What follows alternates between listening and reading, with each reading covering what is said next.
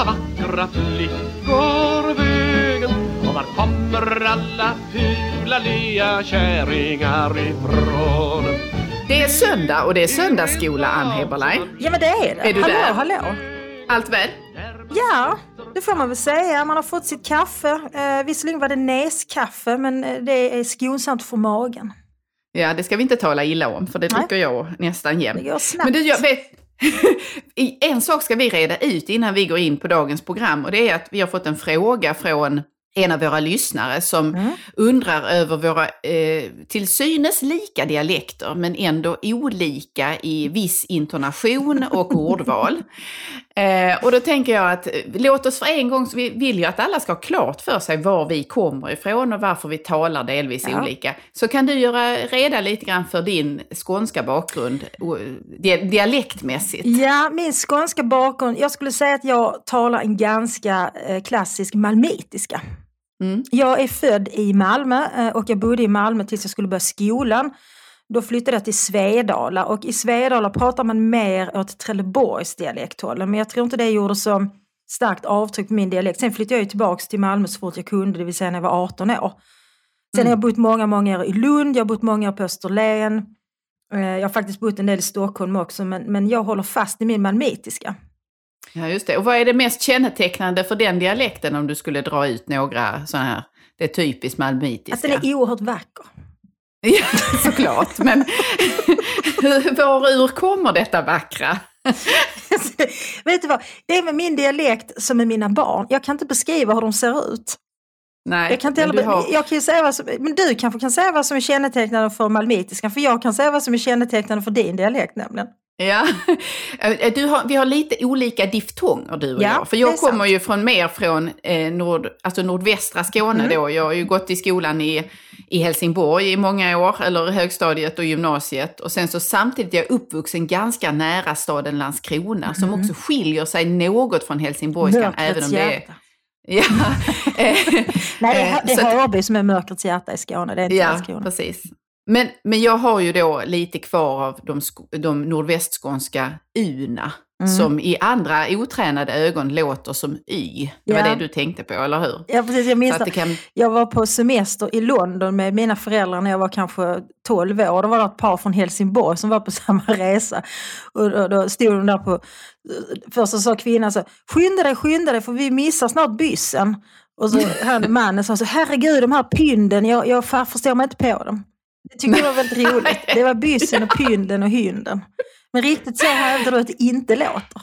Nej, och i alla fall inte hos mig, för att i så fall har jag, jag har ju så att säga balanserat de una Mm. mot den Landskrona-dialekten. Så att, eh, och sen så har jag ju varit i Lund några år också, men inte lagt mig till med den lite förnäma Lundadialekten som är någon slags ädelskånska. Någon slags ädelskånska. Ja, precis. Alla mina barn pratar sån ädelskånska, de låter mycket fina. Eh, Oj, men ja, eh, det har aldrig fastnat hos mig. Utan, alltså malmöitiskan är ju, jag tycker att det är en oerhört vacker dialekt. eh, men den, Ja. den är ju lite vulgär. Ja, precis. Men man kan ju tänka att Skåne är indelad i fyra delar Mm. dialektmässigt. Och då är jag i, så att säga, den, i den ena kvadraten där och du är i kvadraten under mig, i, rent geografiskt. Liksom. Skulle man inte kunna tänka så? Det bara geografiskt. Jag är längst söderut, allra längst ut. Ja, ja. Så nu vet alla varför vi ibland skiljer oss åt, även om ni kan njuta av då två varianter av skånska här. Nu är det Ja. dags för irritationen, eller hur? Ja, nu ska det irriteras. Nu snarkar han när det inte graven. Ska du, ska du eller jag? Jag kan börja. Och min Mm. irritation, den är faktiskt, har sin upprinnelse i ett konstverk.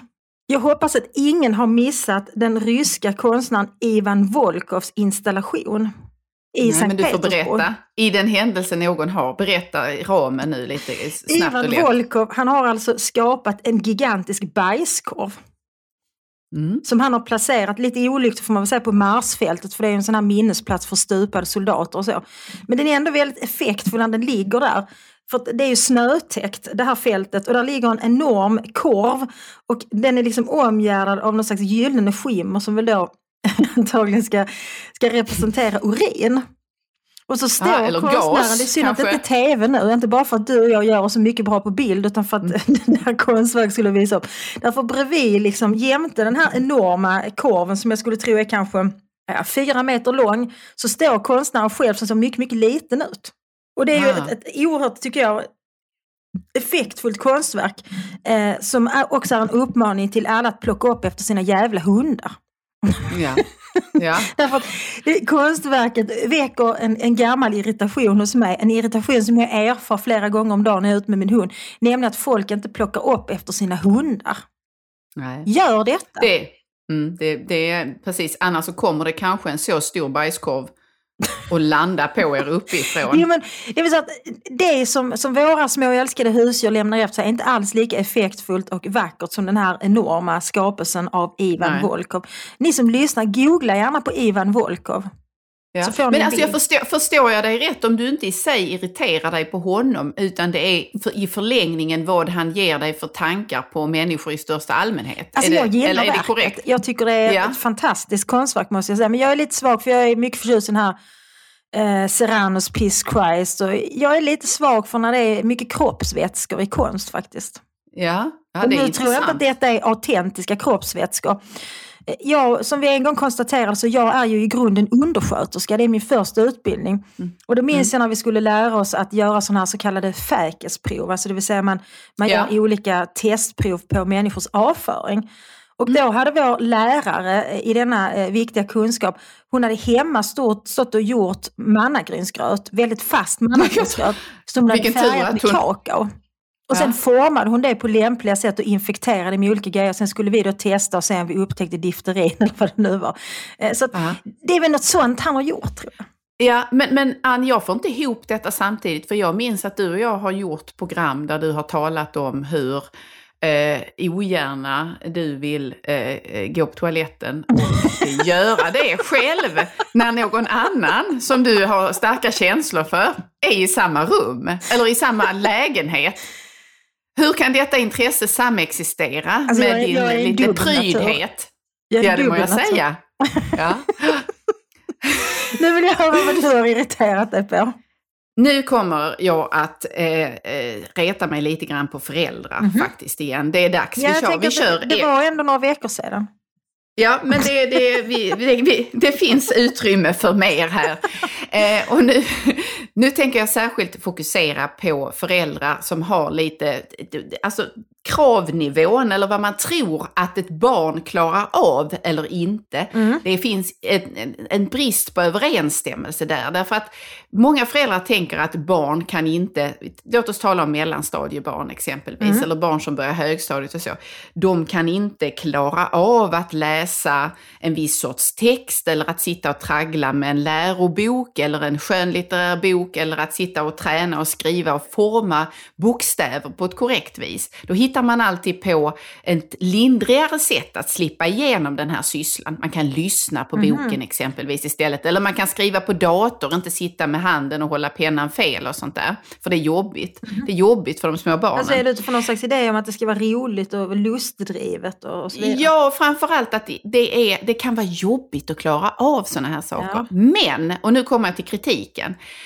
Samma föräldrar tror att dessa barn i samma ålder klarar av att lösa oerhört svåra konflikter mellan sig och de andra barnen i klassen eller de andra barnen som finns på TikTok eller Snapchat Mm. eller vad det nu kan utspela sig. Där lämnar man barnet helt själv att hantera oerhört liksom, intrikata konflikter och ganska utstuderade mobbingattacker. Och då Ja. tänker jag så här, till, till dessa föräldrar vill jag säga, det är där ni ska hjälpa barnen och stötta dem. Eh, där behöver de er hjälp. Vad gäller den andra delen, läsa, skriva, träna, räkna, där ska ni ställa högre krav på barnen. Där kan de mer än ni tror. Hänger du med på mitt resonemang här? Mhm. Och på mitt irritationsmoment? Ja men handlar det inte om någon slags konflikträdsla? Ah, att föräldrarna inte vill komma i konflikt Ja. med barnet självt. Ja, jag tror att föräldrarna vill inte komma i konflikt med barnet och vill inte heller... Man vill helst inte veta att det finns konflikter, tänker jag. Nej, det har du nog en bra poäng i. Att man tänker, håll det där på, det är bara TikTok säger man. Det är inte Ja, men, kommer du ihåg verkligheten. den här filmen av Ruben Östlund? Ehm, Play hette den. Ja, just det. Där det var, det var väl två eh, pojkar eh, i typ nedre tonåren eh, som liksom blev förföljda av ett gäng pojkar som var något äldre eller lite blandad ålder. De var kanske fem, sex stycken. Och det var, Mm. liksom, det, var, det, var, det var rena trakasserier och det var inslag av våld och allt möjligt. Och det här försiggick utomhus, det var bland annat på en spårvagn och så vidare. En massa vuxna människor såg ju detta men det var ingen som ingrep. Och det tyckte jag var så intressant för så minns jag också barndomen väldigt mycket att man som barn och tonåring är extremt utsatt för andra barn och tonåringar men att vuxna ofta väljer att betrakta det som händer som någon slags lek.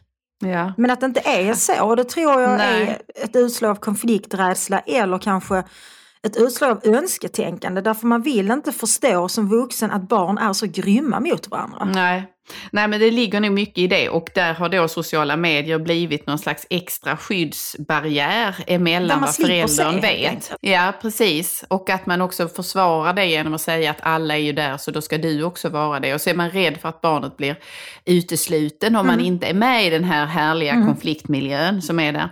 Men, men jag tror att det ligger mycket i det. Och det, det, om man liksom för samman våra resonemang så handlar det om att det finns tillfällen då du ska ingripa och då du måste göra någonting som Ja, där man vuxen. som Och sen vuxen så, faktiskt måste ta ansvar.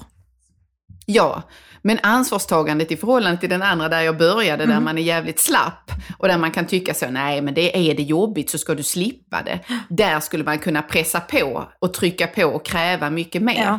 Så att eh, tänk efter alla föräldrar på vad det är, var ni är, var ni är slappa och var ni, har var ni liksom släpper efter mycket med barnen och vad ni väljer att inte se. För det är lite det det handlar om, Mm. om de här konflikterna som barnen blir lämnade med själv. Ja, men det, ja, det finns en dubbelhet. Det är inte bara jag som är en dubbelnatur.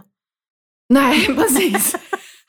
Och gör ni inte det kommer det komma en stor bajskorv i huvudet på er. Den kommer att ligga på trappan imorgon, fyra meter lång. Så skärp er nu.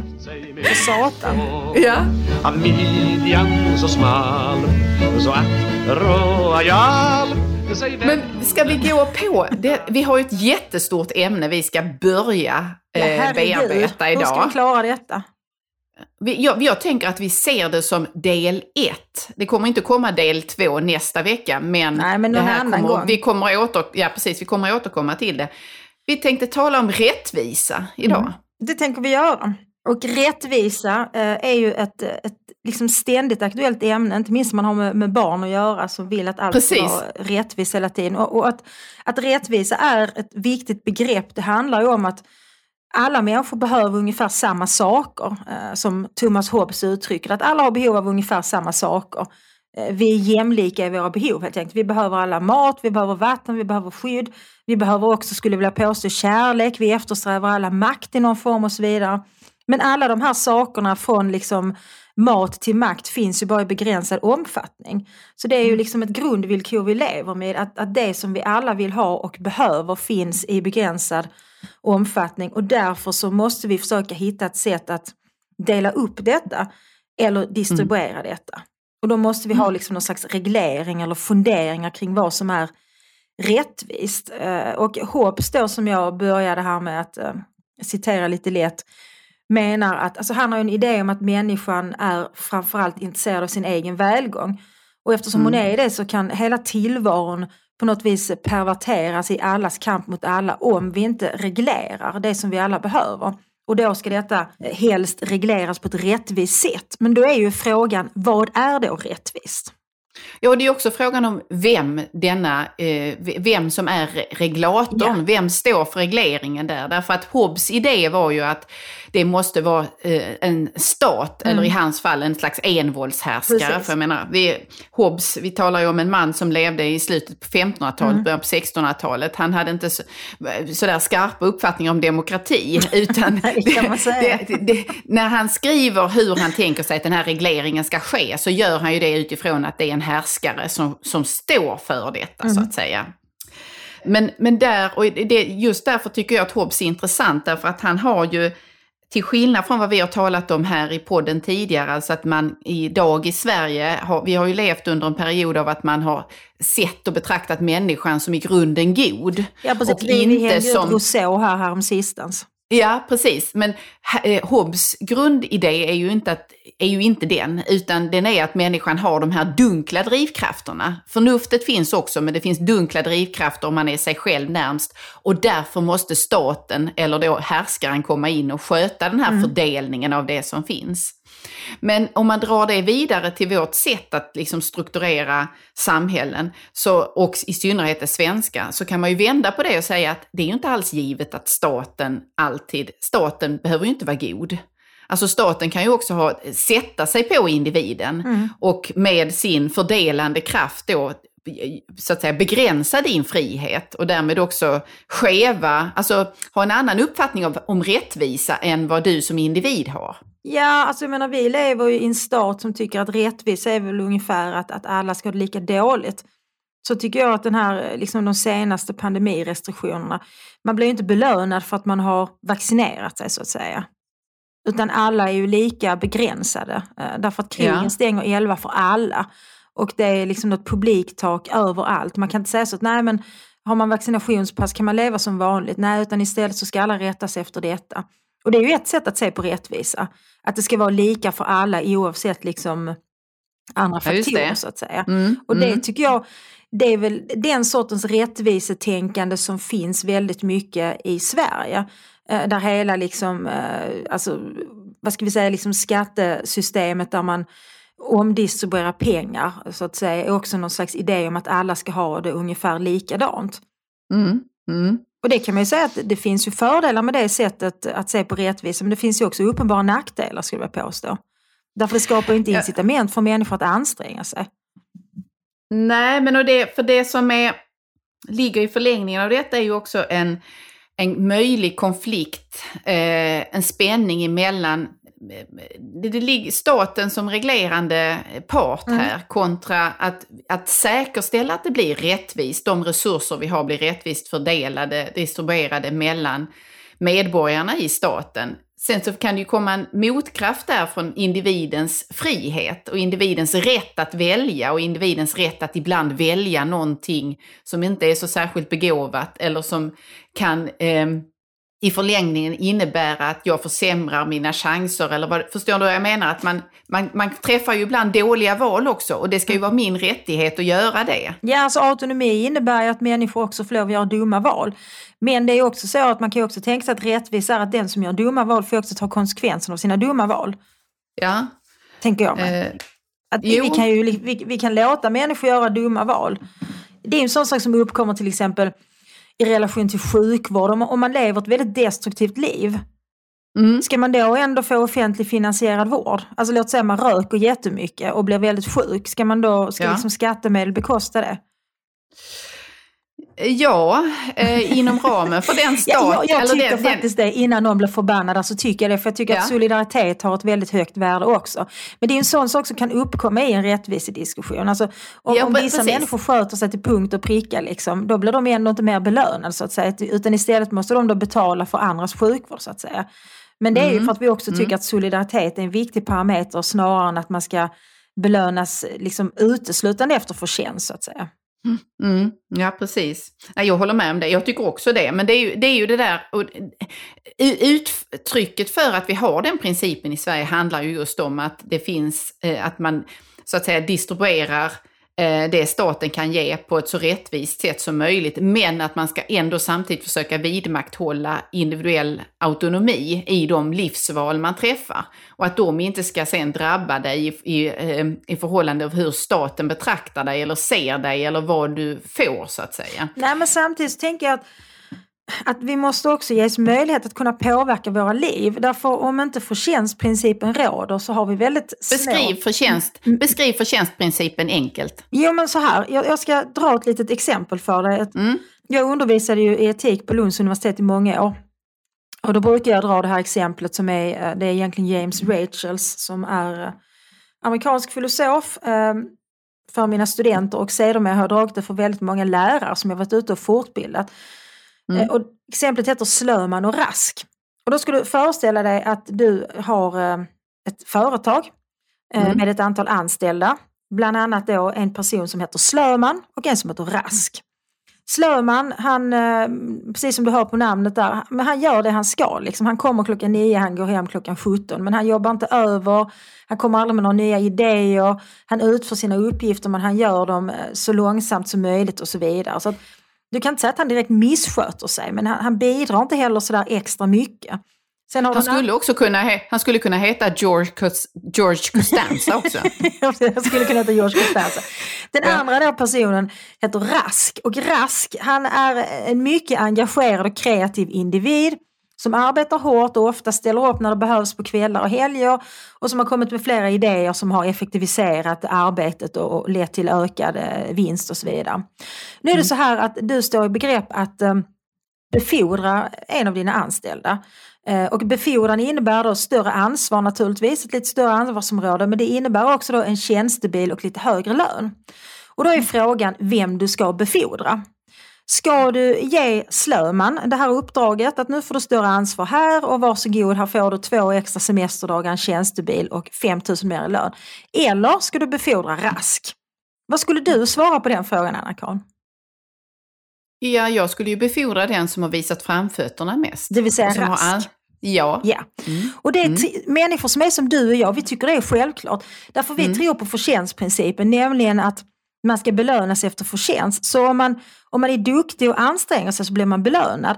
Men om man inte anstränger sig, då blir man inte belönad.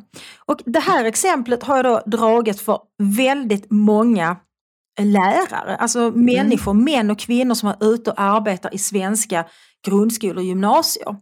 Och resultatet av detta, jag gjorde det först en gång liksom, och efter den här gången så fortsatte jag göra det varje gång jag träffade lärare, för jag blev så chockerad över diskussionen. Därför när jag drog det här exemplet första gången i en grupp lärare så utbröt en, en mycket liksom lång och animerad diskussion där majoriteten av de här lärarna tyckte faktiskt att man skulle befordra Slöman. Därför att Slöman, mm. han verkar ju inte riktigt trivas på sin arbetsplats för anledning till att han, han kanske inte gjorde så mycket och gick hem så fort klockan var fem. Det var nog för att han egentligen mådde dåligt.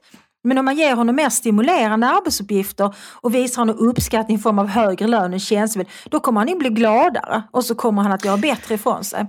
Och sen så, ja. jag blev så chockad över detta så sen testade jag på varenda grupp lärare jag träffade och den enda lärargrupp jag träffade under mina år som föreläsare ute i, i kommuner och skolor som inte tyckte, där inte majoriteten tyckte att Slöman skulle befordras, det var faktiskt när jag var på Franska skolan i Stockholm.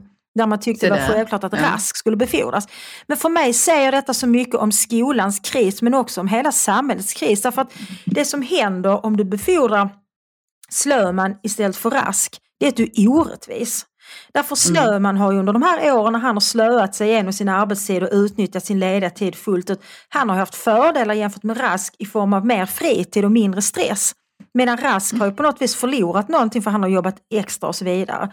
Du tar också ifrån Rask hans förmåga att faktiskt påverka sitt eget liv. Därför om vi inte kan påverka våra egna liv genom att anstränga oss och arbeta hårt, vad ska vi då göra? Så det gör individen helt maktlös. Därför vi ja, hamnar precis. i en situation som inte är rättvis, där rättvisa inte råder utan där det är ett, ett jävla lotteri. Liksom. Vem mm. kommer få högsta betyget här? Ja, det är den som läraren tycker liksom behöver uppmuntras lite. Vem kommer få den här lägenheten? Ja, inte den som har skött sig och inte har betalningsanmärkningar och så vidare, utan vi tar någon lite slumpmässigt. Det är ett orimligt sätt att resonera tycker jag. Jo, det är det. Men det är också en, det är verkligen en illustration av en del av problemen inom svensk skola ja. och det som länge har förföljt, eh, den, alltså det var utgjort ett tänkande inom svensk skola där man alltid mest ska bekymra sig om de som så att säga ligger... Som presterar eh, lågt. Ja, precis. Eller som, som sitter längst bak i klassrummet och vickar på stolen och stör de andra. Det, mm. Uppmärksamheten ska så att säga riktas mot den som beter sig dåligt eller som inte presterar. Därför att man tänker att de som presterar väl eller de som, som Rask här, som anstränger sig och som ibland överprestera, de klarar sig ändå. De kommer ändå att klara sig. Så finns det en förhoppning om att de där eleverna också kommer att fortsätta överprestera, för de gör det av någon slags inre drivkraft. Mm. Jo, det gör de ju kanske. Och de gör det kanske också för att de har det väl förspänt begåvningsmässigt eller så. Men den måste ju på något sätt svara mot en belöning, må det vara i betyg eller i eh, öppnade möjligheter eller då som Rask fick här en befordran. Ja, men det tror jag också, eh. för även om jag tror att, att, att, individer som lyckas ofta har, eller alltid har den här inre drivkraften. Men jag mm. tror att den här inre drivkraften och den här viljan att anstränga sig också skadas om man aldrig ser att man får någon belöning. Jo, Nej, men det är ju faktiskt alltså i svensk betygsdiskussion mm. så mhm. var det länge en, låg och skvalpade där att man Eh, alltså ett skäl för att ha betyg, eh, eller det man talade om då som var, var, var, argumentet för betyg, det skulle vara att det kunde vara motiverande. Mm. Det finns det inte så mycket forskningsstöd för att det i sig är, alltså det, att det är en sån motiverande kraft som verkligen höjer resultaten. Men i motdiskussionen kring det, då fanns det de som sa att det var i sig fel. Alltså om det var så att det för någon var en motivator till att läsa mer och mm. anstränga mm. sig mer, då var det fel fel, för då gjorde man ju inte det för att man ville lära sig. Ja, men lite så här, skitsamma, ungen lär sig ju mer. Ungen kommer att ta kunskapskliv och då är det väl bra i så fall om det kan, betygen kan bidra lite till det. Men det, det är ju någon slags utopi man svävar i här där man tror att människor, man ska få människor att göra en massa saker, anstränga sig, sätta klockan på 05.30 trots att det inte man sätter liksom i utsikt då en belöning eller en möjlighet att eh, höja sin levnadsstandard, köpa en ny bil eller eh, eh, göra en semesterresa eller vad det nu kan vara som gör att livet blir lite mer värt att leva. Ja, som spårar en lite. Det här tangerar ja. en annan diskussion som jag har haft med väldigt många studenter. Eh, därför att rättvisa är ju naturligtvis ett grundläggande moralfilosofiskt begrepp. Så när jag undervisade på mm. A-kursen i etik som vi hade några år på Lunds universitet så, så var ju rättvisa, hade jag alltid eh, en föreläsning och ett seminarium om rättvisa. Och seminarieövningen brukade vara bland annat en diskussion om medborgarlön. För det här är ju liksom någon slags sån här idé som en del människor eh, driver, att vi ska ha medborgarlön, vilket innebär att, och det är också utifrån något slags konstigt rättvisetänkande, att man tänker att men alla människor är lika mycket värda och därför ska alla människor ha samma eh, samma liksom, eh, summa att röra sig med varje månad. För varför, varför ska vissa ha en lön på 80 000 och andra har en lön på 12 000. Det är ju inte mm. rättvist tycker de. Mm. Så då, mm. låt säga liksom att man tänker sig en medborgarlön på att ja, men alla människor får 30 000 i månaden. Oavsett vad de gör, oavsett om de är konstnärer som inte säljer några tavlor eller de är kirurger eller de är busschaufförer eller bagare eller förskollärare eller vad de nu så får alla 30 000 eh, och då blir det mm. rättvist och bra. Och det är så intressant för att när jag drog upp det här med mina studenter, det var ju då liksom unga människor som hade påbörjat studier eh, för att de ville någonting antagligen. Så blev de ju väldigt provocerade av den här tanken på medborgarlön. Och tyckte mm. också just utifrån det du säger, för de säger men, men om alla ändå får 30 000, varför skulle man då anstränga sig? Vem skulle då mm. vilja vara busschaufför eller kirurg? Om man istället kunde säga att Nej, men jag är poet och så kan man, kunde man gå där hemma och kanske och man kan vara det i Tranås, i, i Tranås kommun. Eller vad var det nu de hade? ja, en kommunpoet. Kommunpoet, det var i Tranås. ja. Vad tror du om Medborgarland? Tycker du att det är rättvist? Nej, jag är inte en vän av den tanken. Jag kände nästan det eh, på mig, Anna-Karin. Ja, eh, därför att jag har, eh, som i min personlighet ligger att jag behöver den här typen av, kunna sätta yttre mål och känna att när jag når de målen, när jag presterar så ger det också, det ger mig en tillfredsställelse, men jag kan också liksom plocka hem någonting mm tack, vare att jag gjorde den ansträngningen. Och sen finns det ju faktiskt också liksom som en förlängning av den tankegången som blir ett argument mot liksom att ha någon slags, alla ska vara exakt lika och få lika mycket och kunna göra vad de vill. Det finns ingen skiktning i det, för skiktningen här, när man skiktar människor i fråga om du kan gå till den utbildningen, du fick de här betygen, då kan du gå till läkarutbildningen eller då du kan, nu har du betyg så att du kan söka juristprogrammet eller frisörutbildningen mm. eller vad det än är. Där i handlar det ju också om att så säger de som är emot det att det är en sortering av människor. Jo, men sorterandet syftar ju också till att tillse att den som blir hjärnkirurg har de kvalifikationer som krävs för att gräva i människors huvuden.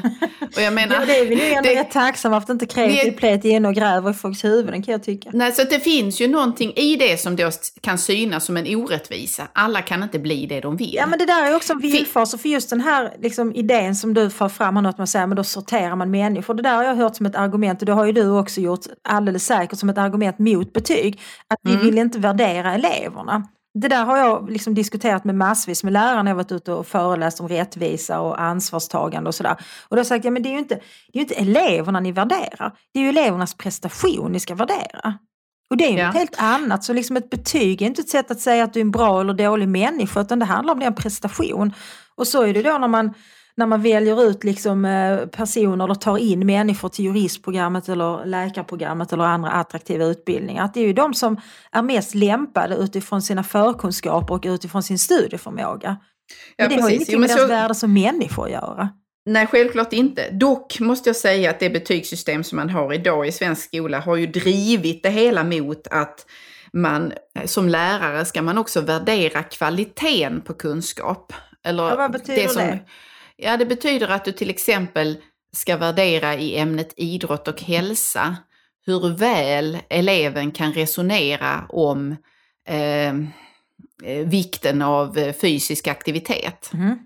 Så du har ett praktiskt ämne, tillför en teoretisk dimension och till det tillför du att eleven ska verbalt kunna prata om detta. Och där ska du som lärare värdera, då, betygsätta kvaliteten på den kunskapen och de förmågor som eleven visar.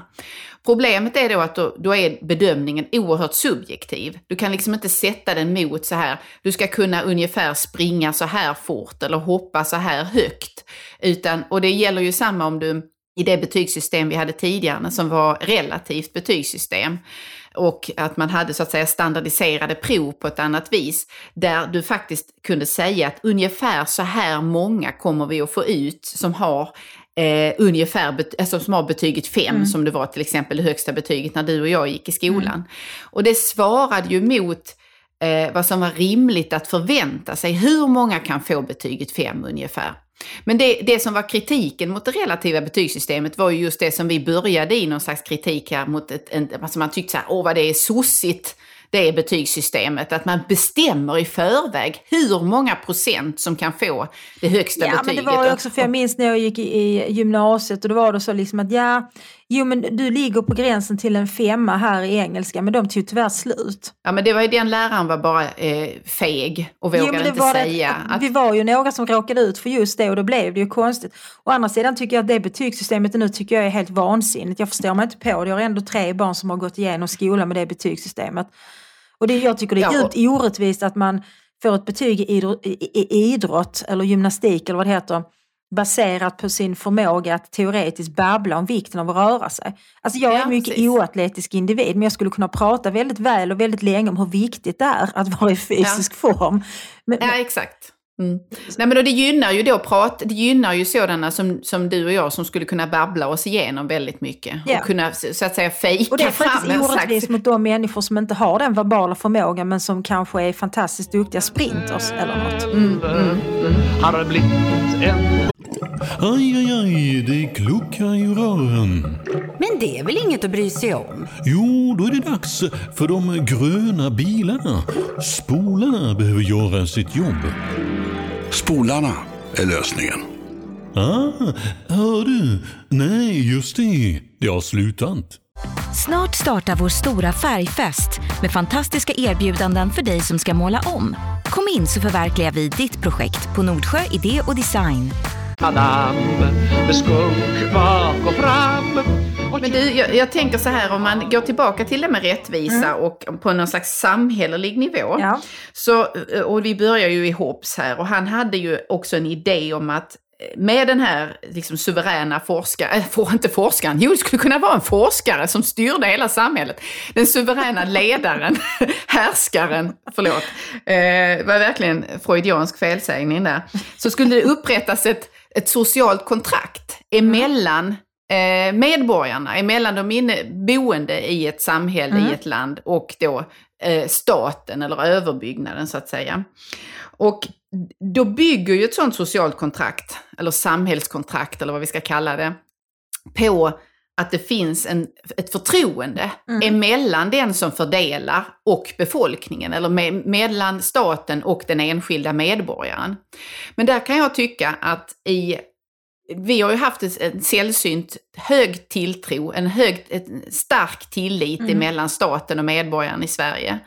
Men det vi ser idag, eh, när identitetspolitik eh, har krupit in eh, på, i myndigheter, i vårt allmänna medvetande, i eh, kultursfär, ja you name it, också i forskningen för den delen. Den bygger ju i hög grad på att misstänkliggöra alla som fattar olika slags beslut, må det vara en domare eller en polis eller en lärare som sätter betyg, då ska jag tänka att du sätter det här betyget, du fattar det här beslutet som är ogynnsamt för mig. Det gör du bara för att du har fördomar om min hudfärg eller mitt kön eller min eh, religiö eh, religiösa tillhörighet eller etnicitet eller vad det nu kan vara. Mm. Där finns ett jättestort problem som, som, alltså som på något sätt, för jag försöker koppla tillbaka det till rättvisa, att det sätter ju hela det här systemet ur spel. Ja men alltså det du är inne på, det, det tangerar ju den om kvotering. Mm. Att man tänker sig att vissa marginaliserade grupper är så otroligt marginaliserade så att om man inte särbehandlar dem positivt så kommer de aldrig komma in på en utbildning eller eh, liksom få en lägenhet eller få ett jobb eller någonting. Mm. Och det är ju djupt orättvist mot de, de, som inte är marginaliserade faktiskt, huruvida vi nu är så himla marginaliserade. Det är också så intressant för att alltså i Sverige så har ju det vi kallar identitetspolitik fått ett starkt fäste, det vill säga idén att, att människor av en viss etnicitet eller, eller hudfärg eller kön är just marginaliserade och diskriminerade. Men vi har ju inte så mycket empiri som faktiskt styrker att det är på detta viset. Och trots det så har vi byggt in detta i våra system som du säger. Mm. Mm. Eh, och i våra sätt att tänka. Och det är också liksom retoriskt väldigt starkt att hänvisa till att man tillhör en marginaliserad grupp så kan man ju få rätt mycket fördelar på det faktiskt.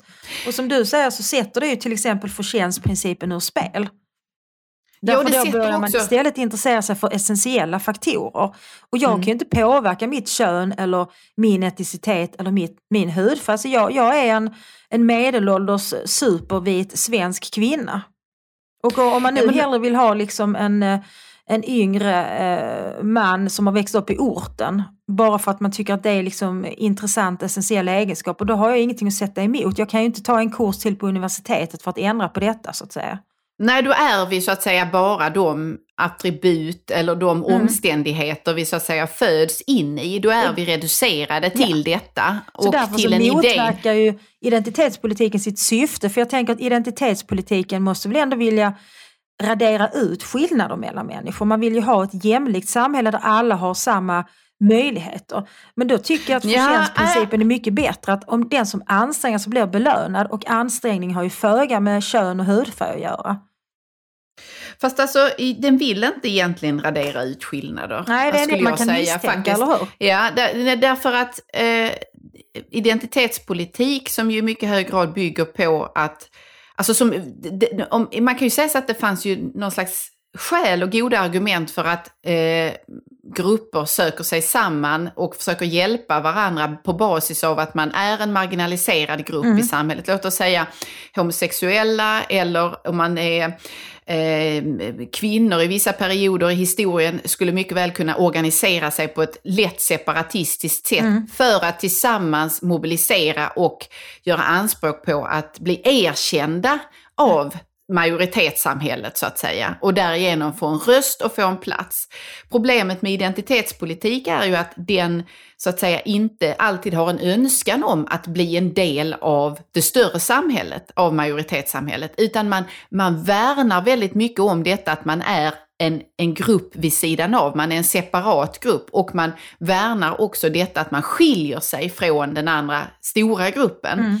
Och sen säger man att du, Ann Heberlein, du skulle aldrig kunna föra min talan, jag som kommer ifrån ett helt annat sammanhang, har en annan hudfärg eller en annan identitet, sexualitet, vad det nu kan vara. Så man, man understryker ju på inget vis likheterna emellan oss som människor, utan man understryker skillnaderna istället och gör dem som, använder dem som plattform för hur samhället ska organiseras och hur rättvisa då ska mm. uppnås. Ja, men man gör skillnaderna avgörande.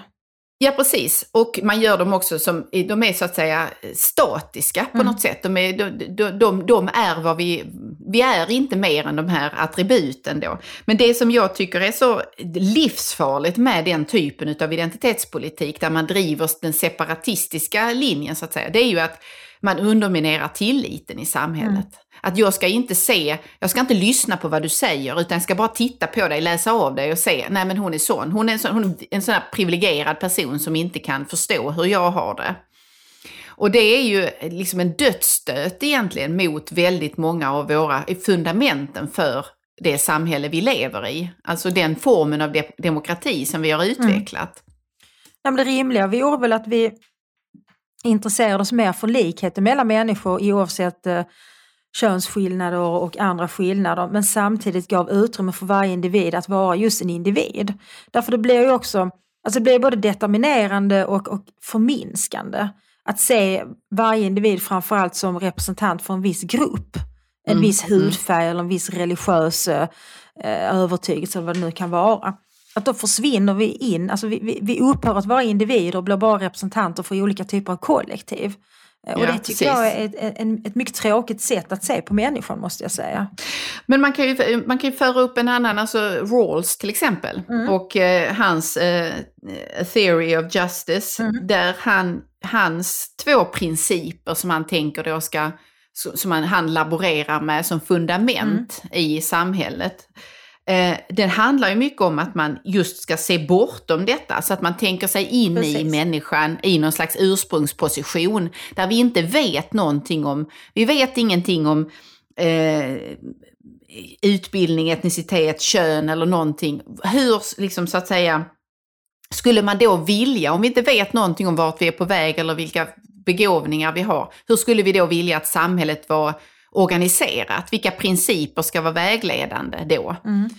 Ja precis, alltså Rawls han, han formulerar ju något som han kallar för the veil of ignorance eller okunnighetens slöja. Precis som du säger Anna-Karin så tänker han sig en, någon slags situation och det tangerar ju det du pratade om innan när man ser samhället som ett kontrakt mellan eh, individer i samhället och så vidare. Rawls är ju kontraktsetiker. Och då tänker Ja. han sig att när vi befinner oss under den här okunnighetens slöja så vet vi ingenting om vem vi, vem vi själva är. Vi vet inte vilket kön vi har, vi vet inte eh, vilken etnicitet vi har, vi vet inte om vi har ett handikapp, vi vet inte om vi är homosexuella eller heterosexuella och så vidare. Vi, vi är helt liksom okunniga om, eh, om vem vi själv är så att säga.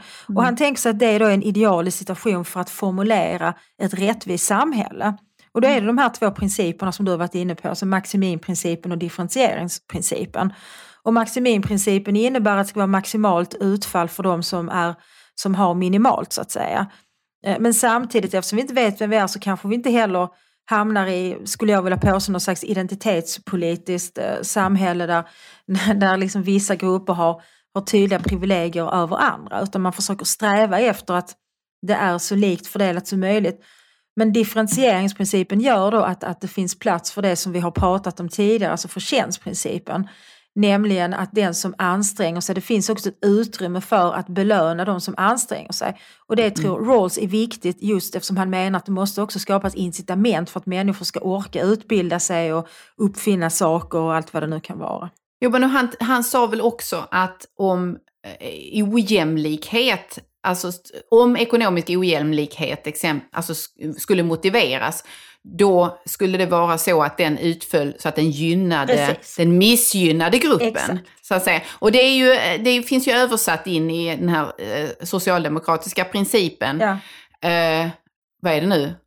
Av var och en, nej, åt, var och en, efter behov Ja, av var och en efter förmåga. Vi sitter ju ofta här på söndagarna och läser lite socialdemokratiska gamla principer, Men, du men, vet, vi alla- kritiserar alla dem också. svenskar är egentligen socialdemokrater. Så är det när man har liksom, eh, växt upp i någon form av mild diktatur. Att man kan inte riktigt släppa det socialdemokratiska.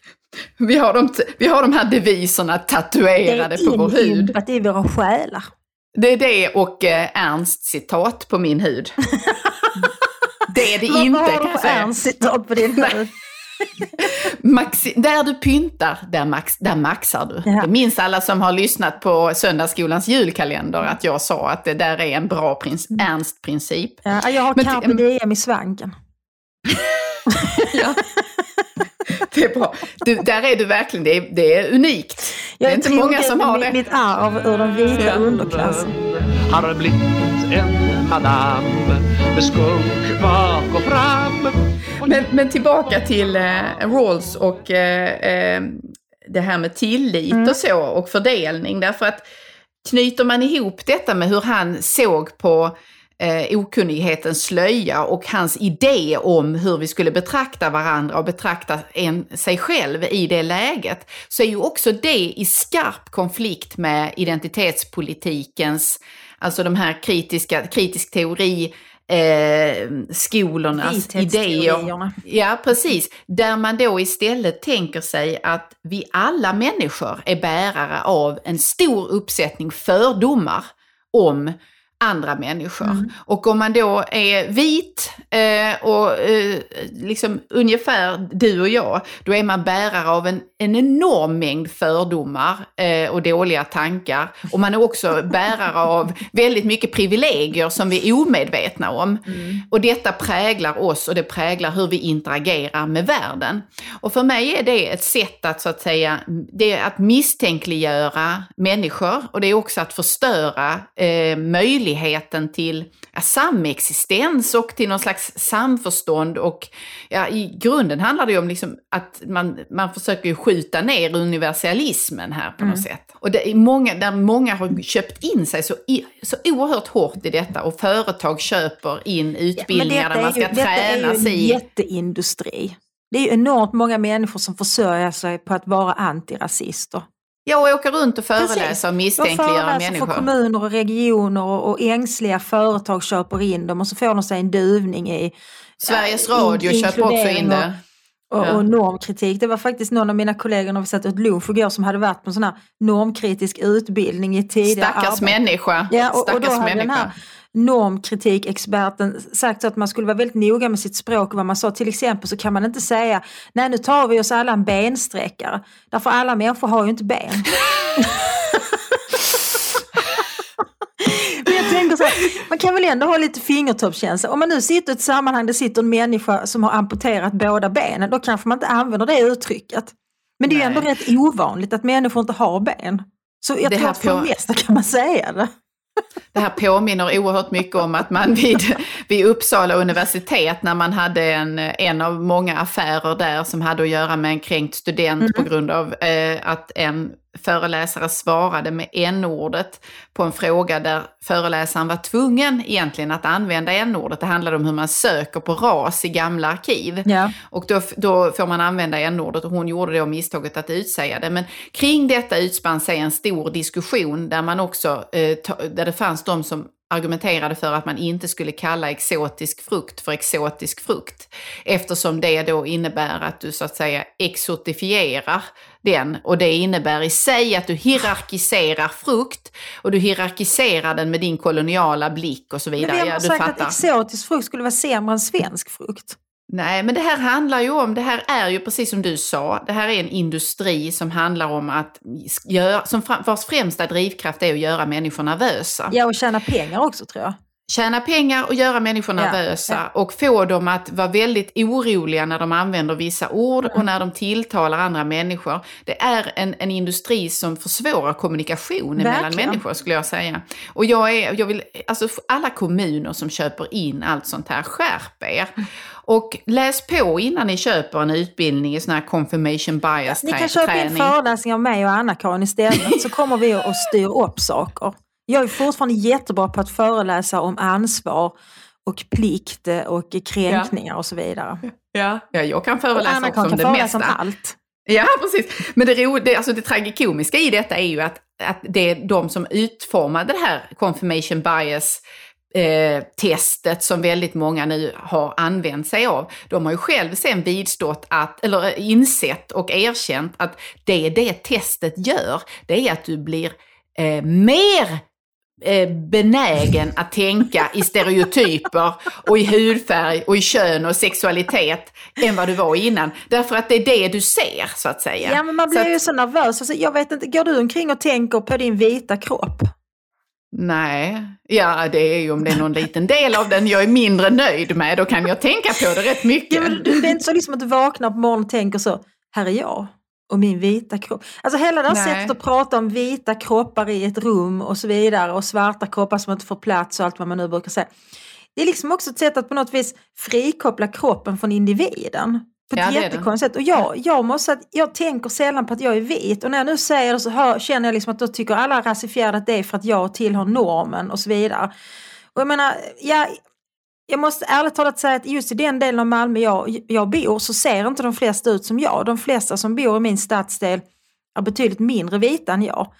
Där är du normkritiken kan man Ja, säga. jag går omkring och känner mig normkritisk och liksom supervit. Men jag är ju inte besvärad av det. Alltså jag är inte besvärad av min egen vithet men jag är inte heller besvärad av andras liksom, ovithet om man ska säga.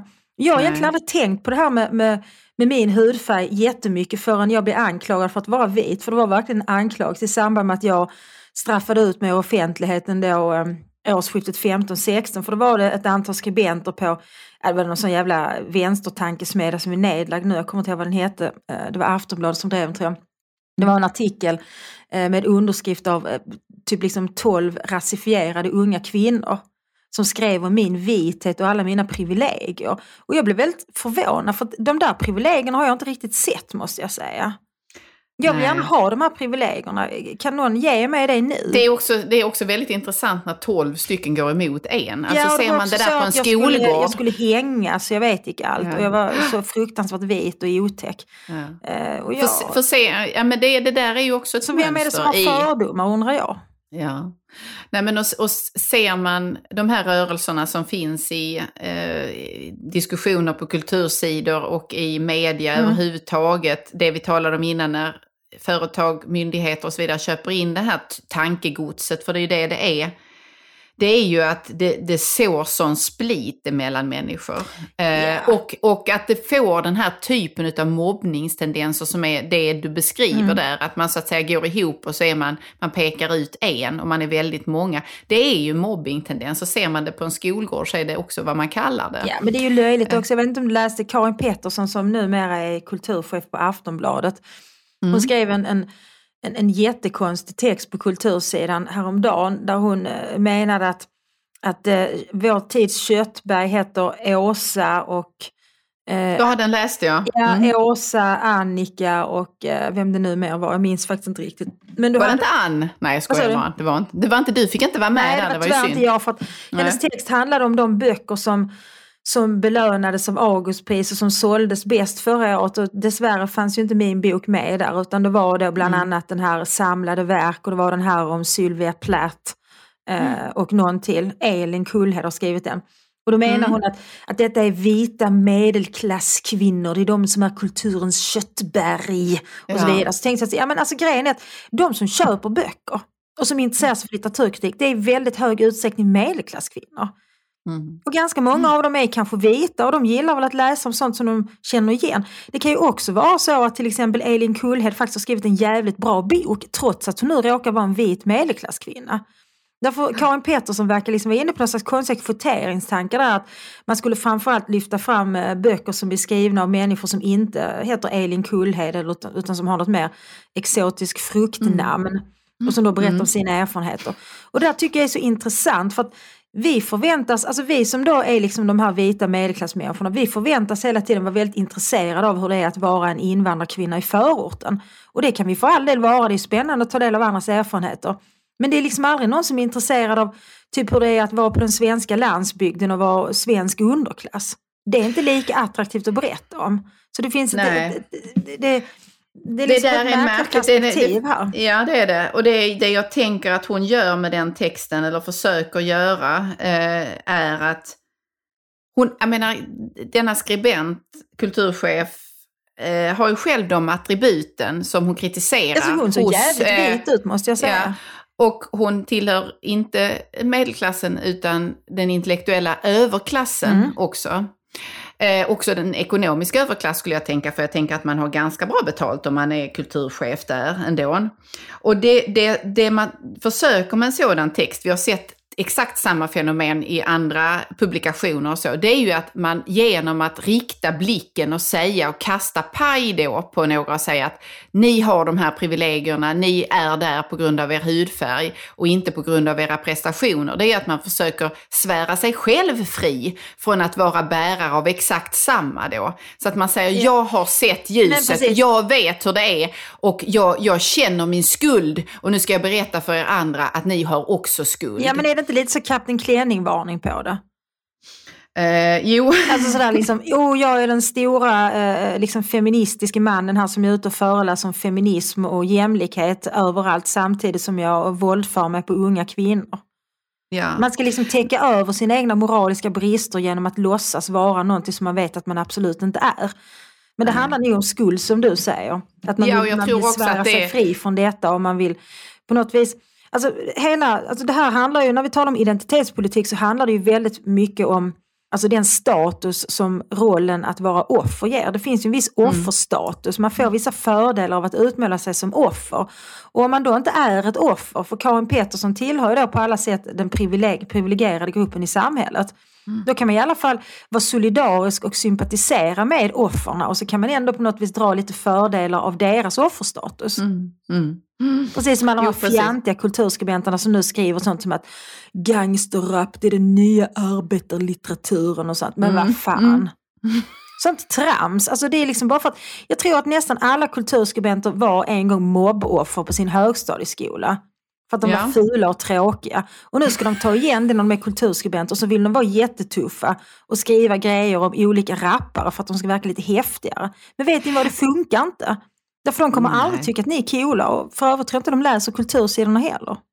Nej, men det ligger ju också i detta att i den eh, ideologi eller det synsätt, den, det perspektiv de försöker anlägga här genom att göra en, en, en volt, eh, någon slags konst, där de på ena sidan eh, bekänner sig till att ha sett rätt sak och kritisera rätt personer och samtidigt då bli fri från skuld själv. Det är ju att man säger till alla alla läsare eller alla de som tar del av detta, att om du inte förstår det här, om du inte ser det mönster jag pekar på, då är du antingen ond eller så är du dum. Ja. Alltså, och det är ju också en del i eh, identitetspolitiska teori, teoribildningar. Det ligger i detta att du måste så att säga, du, du kommer aldrig ur den fällan, utan du måste köpa det paketet och bli upplyst. Jo men då. så är det. Eh, och, och det är ju också, det är därför man inte får, det, man måste så att säga hålla emot riktigt ordentligt här. Inte förneka att det finns eh, orättvisor och att orättvisor ibland kan gestalta sig på strukturell nivå, för så är det. Och det har, Absolut. så har det Det historiskt finns varit. strukturella orättvisor som Ja. drabbar både kvinnor och eh, eh, rasifierar, om nu ska använda det begreppet, och Mm. människor som alltså homosexuella och så vidare. Absolut finns det det och det ska vi naturligtvis göra allt för att, för att minimera tycker jag. Eh, Men, men, samtidigt så blir det ett problem när det finns ett intresse av att klamra sig fast i de här orättvisorna för att påståendet om orättvisor i sig är privilegier ja, och ett precis. tolkningsföreträde. Och säga att det är i hudfärgen det sitter. Det är ju det som är liksom Mm. identitetspolitikens eh, ömma punkt och farliga punkt på något vis. Att vi blir ändå fjättrade vid, vi blir Ja, fixerade gör vid och fjättrade vid hudfärgen. Det tar, det tar från individen makten över sitt eget liv därför man kan aldrig vara något annat än, än de essentiella egenskaper man har. Man kan inte påverka genom att studera eller arbeta hårt eller förändra sig på olika sätt. Och det tycker jag är djupt orättvist. Har blivit en madam med skunk bak och fram Alltså för att föra samman de här olika liksom, eh, teorierna och nutidstrenderna som vi har talat med om, så tycker jag att det finns ju också i detta en glidning eh, i, i vårt samhälle där man, alltså från att ha talat om equality, alltså jämställdhet, jämlikhet, till equity som mer handlar om, alltså om man översätter detta så handlar det om lika möjligheter, som vi pratat om tidigare, kontra lika utfall. Nämligen att det är viktigt då att vi har, kan procentsätta, exakt procentsatssätta hur, eh, hur utfallet ska bli. Så att vi får, till, exempel på kön då, så ska det vara inom spannet 60-40, då är det jämställt. Om vi har inom 60, ramen inom 60-40 inom alla yr- yrkeskategorier och framförallt är man ju då fixerad vid ledningspositioner och liknande. Man, tittar, man är inte lika fixerad vid att titta på att vi ska inom 60-40 spannet bland asfaltsläggare till exempel. Nej, det tycker Nej, man inte det kan man ju fundera på. Sopåkare, det är rätt så bra Ja. väl betalt också tror jag. De har ett väldigt Ja. aktivt fackförbund. Men det finns ju vissa liksom, positioner, vissa tjänster i, eller eh, branscher i yrkeslivet då, som där man ska tvinga fram det här 60-40. Mm. Vi har ju varit inne lite på kvotering och så innan.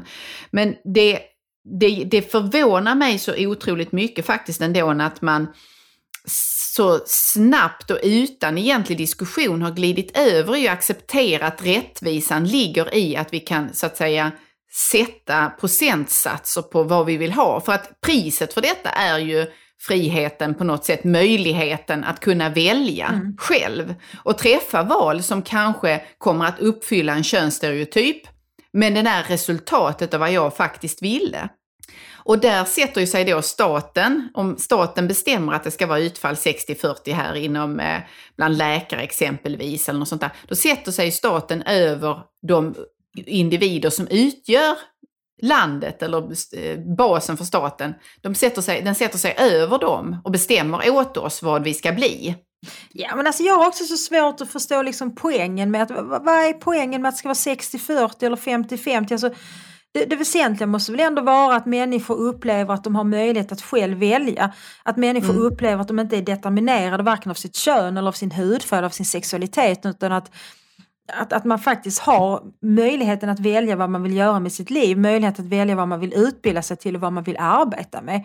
Jag, tror liksom vi får också bättre läkare och asfaltläggare om de som är läkare eller asfaltläggare är det av egen fri vilja för att det är någonting som de vill göra. Ja, nej, men då det, det, jag, jag är inne på samma linje där, därför att även om man tar liksom radikala feminister inom, eh, alltså, inom vetenskapen, jag tänker till exempel på Camille Paglia, som eh, eh, alltså hennes hela resonemang om, om de här frågorna handlar ju just om att jag måste få, att, så kvinnokamp eller kampen för rättvisa på könsbasis, det handlar ju om att jag som kvinna, jag ska ha rätten att riskera, ibland riskera mitt liv eller riskera min säkerhet. Ingen annan ska säga till mig att jag inte får lov att göra det, utan jag ska ha rätten att kunna gå ut sent på kvällen också och eh, ta de risker som det innebär och inte liksom eh, underordna mig till någon annans då omsorg, må den vara statlig eller vad den är, att som säger att du ska gå hit, du ska göra si, eller så som vi har haft det nu på senare tid i Sverige när man säger att gå inte ut vid den här tiden, rör er inte på det torget för det kan vara farligt för er att vara där då. Hänger du med på hur jag tänker Ja, jag kring det? Alltså jag, jag, jag tycker Pagla är ganska intressant. Jag tycker också hennes tankar kring maskulinitetens kris är väldigt spännande faktiskt. Därför Ja. det finns ju en baksida av allt det här även för männen. Men jag tänker Mm. att det får bli en egen lektion helt enkelt. Ja, den kommer vi att komma till ganska snart kan vi utlova våra lyssnare. Ja, alltså manlighet intresserar oss båda väldigt mycket. Så kan vi uttrycka det. Jag tror att vi börjar närma oss en punkt där vi ska knyta ihop detta.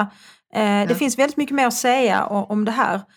Har vi haft en rättvis fördelning av taltiden idag, Ann? Alltså jag känner så här att vi är lite hobbesianska när vi pratar för det är allas kamp mot alla här. Vi slår oss fram till mikrofonerna och tar mycket plats. Men alltså varken du eller jag tillhör de som har svårt att ta plats i ett samtal. Nej, det, det är, där kan vi nog Så stänga den här jag tror att det har varit söndagen ganska med. rättvist. Eh, Jag Ja. är inte helt säker på att det är rättvist i enlighet med förtjänstprincipen. Det får vi ta en, en utredning Vi får göra kring en efter... eh, Men vi har Ja. väl ändå liksom, vi, vi kan väl säga att vi har väl landat i någon slags idé om att vi, vi är djupt skeptiska till identitetspolitikens ambition att knyta eh, belöningar eh, och annat till essentiella egenskaper eftersom vi faktiskt menar att det är orättvist. Därför det är mer rättvist om människor ges makt över sitt eget liv genom att anstränga sig, arbeta hårt och så vidare. Samtidigt som jag uppfattar att vi båda två är överens om att vi också tycker att solidaritet har ett högt värde. Och det innebär Mycket att det där som, som Rawls kallar maximinprincipen också är en mycket bra idé att hedra i ett samhälle. Nej, och vi är, precis, och- vi är också kritiska mot identitetspolitiken på basis av att den underminerar tilliten i samhället. Mm. Tilltron mellan människor. Och det, den ligger ju nära det som du ta, talar om, solidaritetsprincip och liknande. Och eh, därför vill vi eh, varna er för denna. Ni ska ju naturligtvis i utnyttjandet av er frihet läsa, bilda er en egen uppfattning om det. Men vi är skeptiska. Vi varnar för identitetspolitiken. Och sen måste jag säga en sak till när vi pratar om rättvisa. Livet är inte rättvist. Nej, det är det inte. Det är Livet det är inte. Men, orättvist. En del föds med en sviktande hälsa, andra är kärnfriska. Några är mycket vackra och får fördel av det, andra är mindre vackra. Några är Mm. intelligenta och några är mindre eh, begåvade så att säga. Det är inte heller så att man alltid får allting exakt lika. Eh, Och så där, det har jag faktiskt lärt mina barn genom att jag inte alltid har varit liksom sådär vad ska vi säga, millimeterrättvis mot dem. Att det har hänt att det ena barnet har fått något ganska dyrt som en cykel till exempel för att det barnet har behövt en cykel. Medan de två andra inte har fått cyklar just då. Jag vet att många föräldrar gör så att om det ena barnet får något så måste det andra ha något av motsvarande värde. Jag tror att det är en dum idé därför det är inte så det fungerar sen. Och jag tror också faktiskt att saker jämnar ut sig i längden. Och det tycker jag är en bra sak att lära sig också. Mm. när, när jag och min syster var små och vi skulle dela på en eh, god eh, kaka eller en bulle eller ett choklad eller så, så hade vi en princip som gick ut på att den som la snittet fick inte välja först. Nej, den är klassisk. Vi kommer ihåg den där glassen som fanns när vi var små, så var de, det var tresmak, så det var, det var tre färger. Iglo. Var det iglo? Nej, vilken... utan det var en sån här liksom halvliters förpackning. Ja, ja, ja, eh, oh ja, det vet jag vilken du menar. Med päron och... Ja, päron, mm. eh, jordgubb och vanilj. Mm. Och det, då hade vi också det att en delade och en fick välja. Ja, den, den ligger rätt så nära eh, Rawls skulle vi Men ändå det- säga. Det, det, det, det är en praktisk version av rules. Så det är väl det råd vi vill ge er nu. Att eh, om en delar upp Lägger snittet. En Ja. lägger snittet.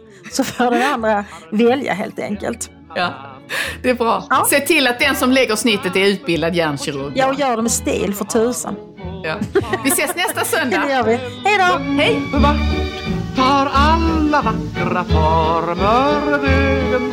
Och var kommer alla hakorna på makorna ifrån? Nu är den stora färgfesten i full gång hos Nordsjö Idé och Design. Du får 30% rabatt på all färg och olja från Nordsjö. Vad du än har på gång där hemma så hjälper vi dig att förverkliga ditt projekt. Välkommen in till din lokala butik.